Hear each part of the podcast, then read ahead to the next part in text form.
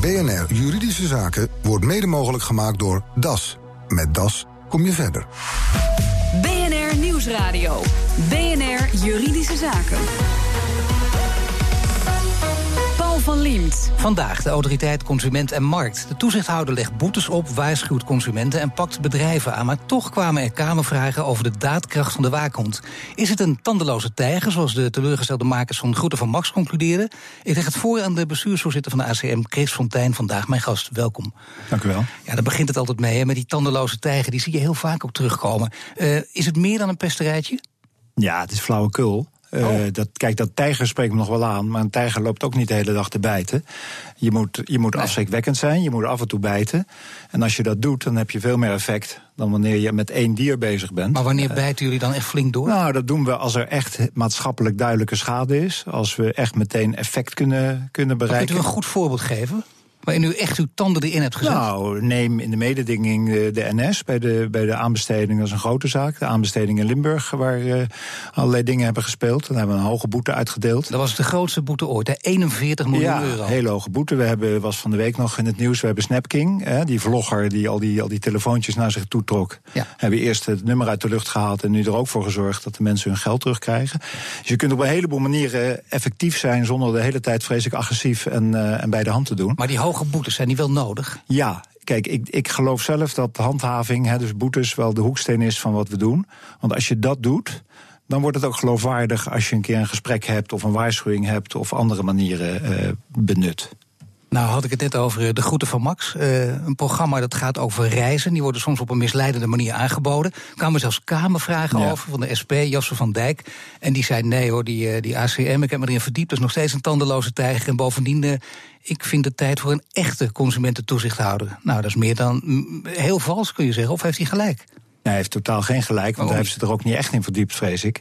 Uh, want dan zie je dat we wel degelijk effect hebben. Hè? Dat we die waarschuwingen die we doen, dat hebben we bij Mediamarkt gedaan, dat hebben we bij Kruidvat gedaan, waar allerhande reisjes worden aangeboden waarvan alles niet van klopt. Dan zie je dat er wel degelijk heel snel een gedragsverandering is. Maar in dit geval, wat gebeurde er in dit geval? Nou, kijk, in dit geval was het Ein, zwei, Boetenfly. Dat is zo'n reisje waar je ja. denkt voor niks een reisje te hebben. En dan word je bij allerlei uh, verkoopdemonstraties van uh, medicinale kussens binnengeleid.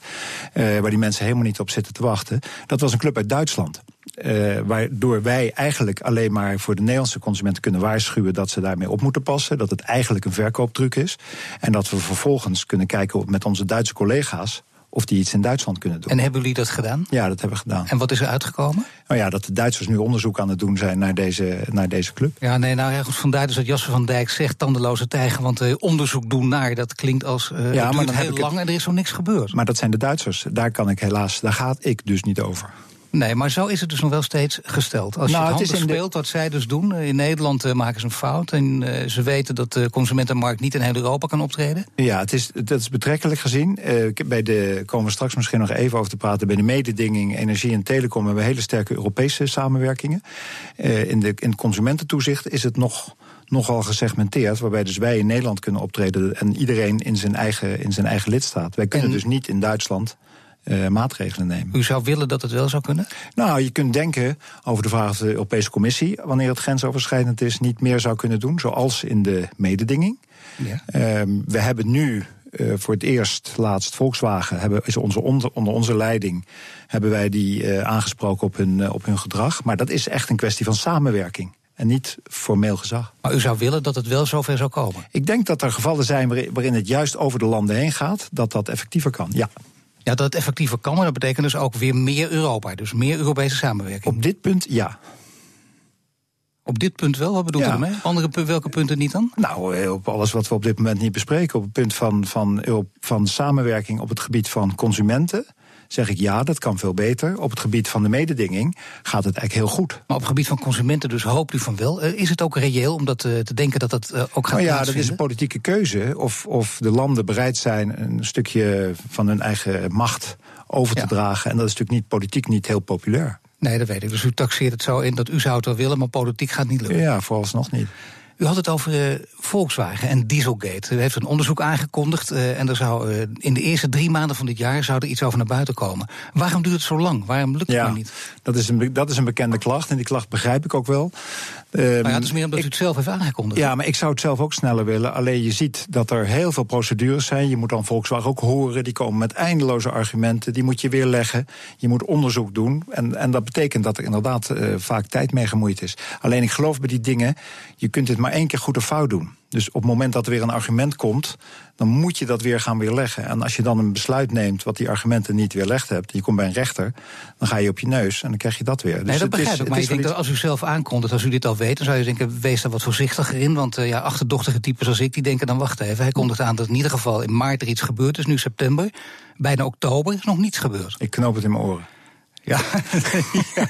En dat over een nee, half jaar, als ik u spreken, kijk, we hebben dan natuurlijk een, een, we hebben een planning over wat we op een moment zelf kunnen overzien. En dan is natuurlijk de realiteit dat er vaak dingen gebeuren die onvoorzien zijn. En toch verwacht de buitenwereld ook wel dat je iets van een planning geeft. Alleen de realiteit is dat we daar. Ja, maar dat is een hele grote zaak en daar zijn veel ogen op gericht natuurlijk. Ja. Kunt u aangeven wat precies dan de reden is waarom dit zo lang duurt? Welke zaken? Nou, omdat, uh, omdat Volkswagen in dit geval met heel veel argumenten komt waarom ze wel voldaan hebben. Het gaat over een consumentenzaak aan de consumentenregels. En dat we dat punt voor punt en zaak voor zaak moeten zien te weerleggen voordat we echt met een besluit naar buiten gaan. Betekent dat het uh, Volkswagen hele goede, hele dure advocaten heeft en de boer heel nou, lang kan dure? Ad, dure advocaten zijn niet altijd uh, goed, dat is mijn ervaring. Oh, dat zegt u in het programma Juridische Zaken. Ja, want ik ben oud advocaat, dus ik kan over oordelen. oh, dat is waar.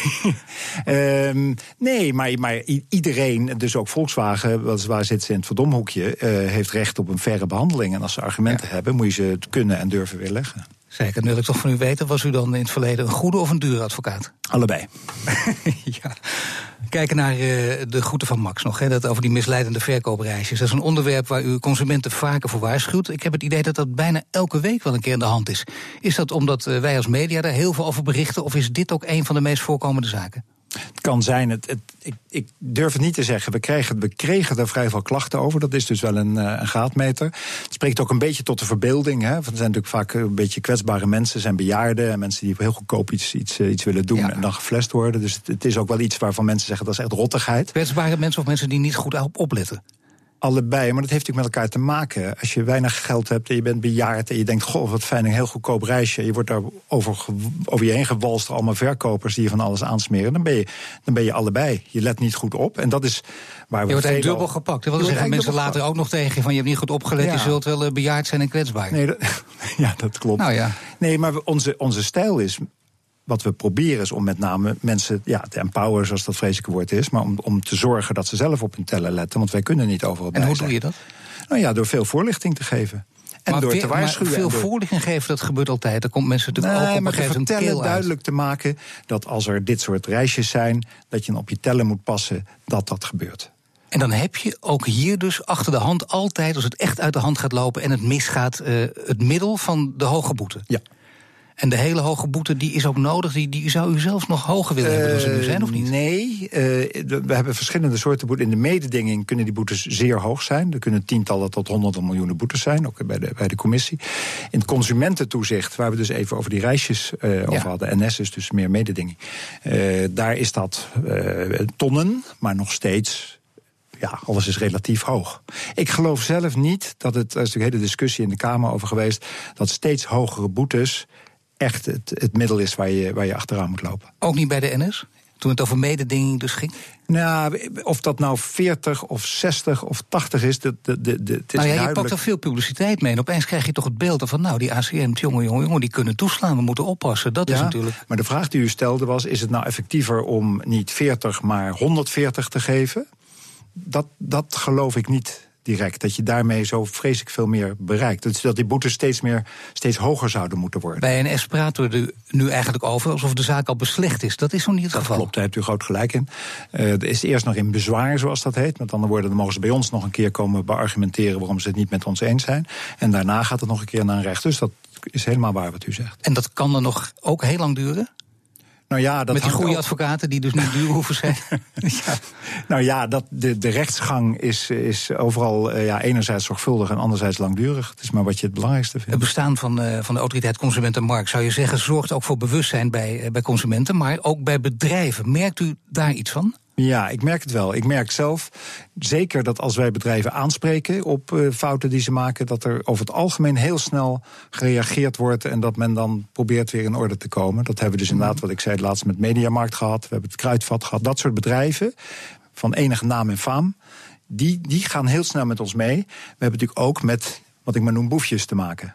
Ja. En die pakken hun centen en zijn er misschien niet meer te vinden. Maar wie zijn, dan, wie zijn dan de boefjes? Kruidvat is nou geen boefje. Nee, nee, nee, dat zijn, nee. nee, dat zijn bedrijven, zijn correct Maar die zijn misschien toch bang voor reputatie. Ja, die hebben natuurlijk veel meer te maken met hun reputatie. Nou ja, dat is iets heel anders dan dat je natuurlijk uh, van jezelf weet dat je niet fout moet doen. Ja.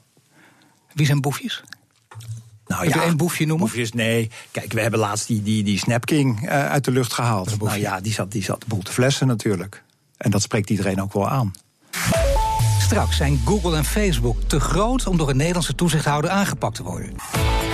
BNR Nieuwsradio. BNR Juridische Zaken. Veel bedrijven opereren internationaal of zijn niet eens gevestigd in Nederland, maar ze kunnen wel zorgen voor een monopolisering van de markt. Kan de ACM dan zelf optreden? Moet ze samenwerking zoeken met andere waakhonden in Europa? Zijn er Europese afspraken? Allemaal vragen voor Chris Fontijn, als bestuursvoorzitter van de Autoriteit Consument en Markt. Hoe belangrijk is dat samenwerking binnen Europa? Heel belangrijk. Eh, eh, een kwart van mijn tijd besteed ik uh, aan Brussel, met Brussel, met de buurlanden. Dus het is een heel cruciaal punt van mijn werk. Een kwart van de tijd zelfs? Ja. En uh, dat in een tijd waarin Europa, althans samenwerken binnen Europa, niet echt heel erg populair is. Ja, maar in dit geval is dat toch anders. Ik denk ook dat dat wel gerespecteerd wordt. Er is zoveel internationale samenwerking van het bedrijfsleven ook. En zoveel marketing die over, over landen heen gaat. Dat ik denk dat het onmisbaar is om uh, samen te werken met zowel de collega-toezichthouders in, in omliggende, omliggende landen. En met name in de mededinging met de Europese Commissie. En als je die toezichthouders met elkaar vergelijkt, dan krijg je natuurlijk enig inzicht. Ook in de, de collega's in andere landen. Zijn er toezichthouders waar u jaloers op bent in termen van kwaliteit? Nou, zij zijn jaloers op ons vaak. Eh, om te beginnen. Uh, ik vind uh, in de mededinging de Duitsers ja, erg goed, erg professioneel. De Fransen. De Duitsers ook. En uh, de Volkswagen wist dat ook. En, en toch die Dieselgate daar. Ja, Dan moet je maar of dat de mededinging is, is weer wat anders. Dat is, dus, dus meer de, de andere soorten toezichthouders. Dit is echt de Bundeskartellamt. Is wel echt een heel gerespecteerde club. Hetzelfde geldt voor de, voor de Franse mededinging. En op dat mededingingsgebied, wat kun je leren van de Duitsers en de Fransen? Nou, ik vind met name dat ze, dat ze heel uh, professionele, goede, inhoudelijke mensen hebben. En dat, eh, daar, daar, daar, worstelen wij wel mee. Om de goede mensen te krijgen, om de goede kwaliteit te houden. Ik vind dat ze daar echt wel een geweldig sterke club Hoe hebben. Komt dat? Eh, zijn de opleidingen niet toereikend in Nederland? Nee, jawel. jawel maar ze kunnen natuurlijk uit een breed, uit een breed uh, veld putten. Ja, dus daar kun je gewoon dus nooit ik vind het echt, echt goede inhoudelijke clubs, ja. Welke zijn wat minder goed onderlegd? nou, ik denk dat degenen die dat zijn, dat zijn kleinere landen en landen waar minder geld uh, beschikbaar is om dit soort instituten maar kunt u waar landen noemen dan? Nou, dat zou flauw zijn. Maar nee, ik. Ik, ik, er, zijn, er zijn er mensen waar wij met, met uh, zeg maar 200 mensen zitten, moeten zij met, met 15 doen. Alleen dan ja, maar dat is niet flauw. Dat is toch uh, eerder, ik zou bijna zeggen, transparant of duidelijk. Is flauw ja, maar niet te noemen. Kun je, dus heel moeilijk, kun je dus heel moeilijk grote onderzoeken ja. kun je doen. Als je, en, en specialisten hebben op het gebied van dataverwerking. Maar het gaat over, over een land als België? Uh, ja, België zijn hele goede collega's. Daar heb ik geen kwaad woord over. Nee, die verstaan dit allemaal ook. Ja. nee, ik snap het. Mag je stellen dat, uh, dat Google en Facebook... dat dat op het moment uh, monopolisten zijn die je bijna niet kunt aanpakken? Nou, je moet ze misschien. Ik, monopolisten, dat is de vraag of er geen enkele concurrentie is. Het gaat over de vraag in de mededinging of ze een machtspositie hebben op het veld waar ze zitten. En dat niet alleen, want men denkt al vlug dat een machtspositie verkeerd is, maar of ze die misbruiken. Ja, dus of ze, of ze daar foute dingen mee doen, dat is op zich helemaal niet zo makkelijk te bewijzen. is helemaal niet zo vanzelfsprekend. De Google en Facebook heeft, ook hele slimme mensen, ook in dienst die precies weten wat de regels zijn. Is het dan een gevecht tussen beide partijen die beide heel nou, goed zijn in regels en de een betaalt misschien meer dan de ander? Het is wel zo dat de, de hele de nieuwe economie, zoals we dat noemen, is wel echt de grote vraag hoe we daar goed mee omgaan als mededingingstoezichthouders. De commissie heeft net een hele hoge boete van, van 2 miljard, meen ik, uitgedeeld aan Google, waar ze hun, hun shoppingplatform uh, hebben voorgetrokken. Moet ook nog blijken of dat natuurlijk bij een rechtbank standhoudt. Maar je ziet dat er steeds meer belangstelling komt, niet alleen van mededingingstoezichthouder, maar met name ook, uh, moet je niet vergeten, van privacy toezichthouders. want die macht die, die die bedrijven hebben, zit natuurlijk vaak niet zozeer in, in, uh, in geld en zo, maar juist in de data waar ze over beschikken. Natuurlijk, en als het over die data gaat, dan heb je natuurlijk ook mensen nodig die weten hoe dit spel gespeeld wordt. En zijn, is het niet zo dat uh, Google en Facebook uh, zo machtig zijn dat ze ook de beste mensen aan kunnen trekken? De mensen nou, ook het beste kunnen betalen? Ze hebben diepere zakken dan de ACM, laten we dat, laten we dat vooropstellen. Ja. Maar dat betekent niet dat wij, CQ, de, de, de privacy-toezichthouder in Nederland, dat wij machteloos zijn. U hebt niet het idee dat, dat zij met betere kwaliteit werken dan u? Nee, echt, nee, dat heb ik niet. Dat heb ik nog nooit gehad. Uh, dus ik maar wat gek als je mensen vraagt waar wil je liever werken? Bij ACM of bij Google en Facebook? Ik denk dat de meeste mensen dan toch, met alle respect zou ik zeggen, voor de tweede en de derde kiezen. Ja, toch ben ik dat niet met u eens. Ik, wat ik merk is dat er mensen zijn die zeggen: het zal allemaal wel. Google en Facebook is een hele andere cultuur. Je bent er echt daar met, met, met geld bezig. Uh, mensen die bij ons werken, die komen ook voor publieke belang. Die komen echt voor iets zinnigs uh, te doen. Intellectueel op hoog niveau bezig zijn. Ik, vind, ik merk juist dat wij heel goed in staat zijn goede jonge mensen te binden. Maar bij Google en Facebook kan dat toch ook? Want uh, dan zou je ze toch ook disqualificeren door te zeggen dat ze het alleen om het geld doen? Nee, ik, ik disqualificeer ze niet. Het enige wat ik probeer te zeggen is dat wij wel degelijk in staat zijn een heel goed gekwalificeerd publiek uh, te trekken. Ondanks het feit dat diezelfde slimme jongens en meisjes ook bij, uh, bij de markt kunnen gaan werken. Er zijn het Amerikaanse bedrijven, Amazon, mogen we natuurlijk ook niet vergeten. maakt het het daar voor u veel moeilijker op dat het Amerikaanse bedrijven zijn? Nou, op zichzelf zouden we ook Facebook, als we daar eh, misbruik zouden constateren, ook in Nederland kunnen aanpakken. Het is over het algemeen, dat zie je ook in die zaak van de commissie, iets wat over landen heen gaat. En waarbij wij als nationale toezichthouder de commissie steunen in een aanpak die breder gaat. Maar het kan wel. Het kan wel, en als u ze eh, met elkaar gaat vergelijken, Google, Facebook en Amazon, waar kunnen we het meeste gevaar van duchten?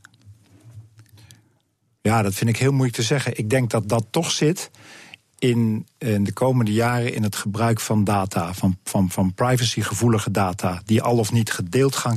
daarom is de, de privacy toezicht ontzettend belangrijk. Wat er gebeurt met de veiligheid van de, van de gevoelige data. Nou ja, er komt één Europese wet, 25 mei 2018. dat is een heel belangrijk. Vindt u dat ook heel. Maakt dat voor u wat uit? belangrijk. Ja, niet zozeer als je alleen maar puur ACM-SEC kijkt. Want wij gaan niet uh, over, de, over de privacy. Maar wel dat daar heel scherp naar gekeken wordt. Daar ben ik echt heel van overtuigd. Dat dat, dus als u vraagt waar zit nou het grootste gevaar, risico voor, voor gewoon voor de mensen. Ja. Dan denk ik dat dat in die, in die sfeer zit. Nu bent u zelf twaalf jaar bestuurder bij, bij toezichthouders, een behoorlijke periode. Uh, is uw werk in die periode ook enorm veranderd? Ja, het is in die zin al heel erg veranderd, omdat ik natuurlijk begonnen ben in de telecom en daarna de fusie is geweest tot, uh, tot ACM. Wat ik merk is dat de hele toezicht op de, op de digitale platforms steeds internationaler, mondialer wordt, technischer wordt. Dus het, het is wel gecompliceerder. De oude zelf nog een beetje bijbenen, want met alle respect moet ik weer zeggen... maar u bent natuurlijk ook de jongste niet meer. Uh, niet oud ook, nou, maar ja, ook die... pas op. Nou ja, uh, hoe oud bent u? Dan ga ik hier niet zeggen op de radio. U niet zeggen, zo oud al? Ik ben 62. Nou, moet je ja, kijken. Nou, ja, een jonge man nog, maar toch. Dan, dan, kun je ook denken van nou, uh, het gaat me nou, maar dat is of je jong of oud bent, dat is natuurlijk een enorme struggle... om daar goed bij te blijven. Daar heb je ook technische mensen voor nodig. Daar heb je mensen die met data kunnen omgaan. Vindt u fijn dat er zoveel goede technische mensen hebben? Want ik begrijp er zelf niks van. Ja, ik, nou, ik begrijp het wel, als ze, maar als ze me goed uitleggen. Maar we hebben dus, en dat is een complicatie, daar vroeg u net naar. We hebben denk ik in de komende jaren een ander soort personeel nodig. We hebben, we hebben gedragsdeskundigen nodig, we hebben dataspecialisten nodig, we hebben technisch. Het, terwijl klassiek gezien zit je met name met juristen en economen. Met andere woorden, die toezichthouders die moeten mee met, met wat de toekomst van ons eist. U ook, en uh, u ook. bent het al twaalf jaar, u wilt er nog een tijdje blijven, denk ik? Denk het wel. En soms nemen mensen hun werk mee naar huis. Bent u thuis ook een beetje toezichthouder? Absoluut niet. Dan wordt er op mij toezicht gehouden. Door wie? Door mevrouw. Door mevrouw Fontijn. mevrouw Fontijn. Dank u wel, Chris Fontijn, bestuursvoorzitter van de Autoriteit Consument en Markt. BNR Nieuwsradio. BNR Juridische Zaken. In aanloop naar de nieuwe Europese privacywetgeving gaat de autoriteit persoonsgegevens op vragen in die leven bij ondernemers. Het verslag is van Nelke van der Heijden. Madeleine Verhoef, jij werkt op de front office van de autoriteit persoonsgegevens. Komen allemaal vragen binnen. Wat leeft er nou zoal? Nou, van de week had ik een uh, ondernemer aan de telefoon. En die vroeg zich af: ja, wat mag ik onder die algemene verordening allemaal aan direct marketing doen? Hoe zit dat nu allemaal? Aleid Wolfsen van de autoriteit persoonsgegevens. Wat mag een ondernemer nou allemaal doen aan direct marketing onder de nieuwe Europese privacywetgeving? Bij direct marketing moet je eigenlijk onderscheid maken uh, tussen twee klantenbestanden. Dat zijn de klanten waar je al een relatie mee hebt. Die verwachten voor jou ook wel af en toe een mailtje. Ik heb de nieuwste producten binnen. Of bent u daar ook in geïnteresseerd? Dat mag gewoon.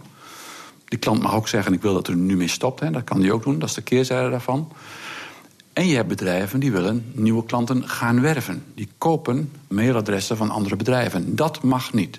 Dus je mag niet zomaar spontaan naar iemand waar je geen relatie mee hebt als bedrijf een mailtje sturen van bent u geïnteresseerd in mijn producten. Dat is een schending van het privacyrecht. En hoe zou je als bedrijf daar dan toch uh, die potentiële klanten kunnen werven? Wat, wat, je kunt doen is, als iemand in je winkel heeft gelopen of uh, je hebt er contact mee gehad, kun je vragen: vind je het goed dat ik jou vanaf nu een mailtje stuur met steeds onze nieuwste producten? Dan geeft iemand expliciet toestemming om mailtjes te ontvangen. En die toestemming moet voldoen aan vier voorwaarden: het moet vrij zijn, moet specifiek zijn. Waar geef ik die toestemming voor? Je moet goed geïnformeerd zijn. Dus dat je weet waar je ja tegen zegt. En ondubbelzinnig. Dus niet in kleine lettertjes, eh, een beetje verstopt enzovoort. Dat is de ene kant. Dus best strenge voorwaarden.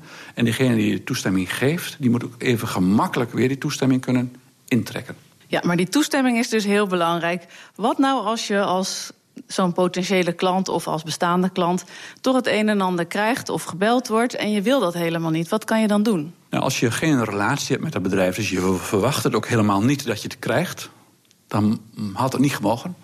Dan is het beste om het bedrijf, lijkt mij, op te bellen en zeggen: Goh, ik krijg mailtjes van jou, dat wil ik niet. Stop daarmee. Dat is één. Als iemand dat niet doet, of, je, of het ergert je zo, of je vindt dat je recht zodanig is geschonden dat er echt tegen moet worden opgetreden door ons, dan kun je vanaf 25 mei volgend jaar bij ons een klacht indienen. Dan gaan we dat ook onderzoeken. En dan brengen we diegene die de klacht heeft ingediend... ook van de uitkomst daarvan op de hoogte. Ja, als u bij de autoriteit aanklopt, die onderzoekt het... en die geeft eventueel, die spreekt uh, die partij erop aan... en kan wel een boete geven. Die kan zeker een boete geven, ja. En als het om hele massale bestanden gaat... miljoenen mensen, kunnen we ook hele hoge boetes geven... Maar dat doen we op maat. Dus we houden rekening mee hoe ernstig is de overtreding. Is het opzettelijk gepleegd of is het per ongeluk? Uh, noem maar op. Dus daar houden we allemaal rekening mee in de hoogte van de boete. Maar we treden er zeker tegenop, want dat mag gewoon niet. Het mag gewoon niet, zegt Aleid Wolfsen in een verslag van Nelke van der Heijden. Heeft u ook een juridische vraag? Mail hem naar juridischezaken.bnr.nl. En dit was de uitzending voor vandaag. U kunt de show terugluisteren via bnr.nl slash juridische zaken. Mijn naam is Paul van Liemt. Tot de volgende zitting. BNR Juridische Zaken wordt mede mogelijk gemaakt door DAS. Met DAS kom je verder.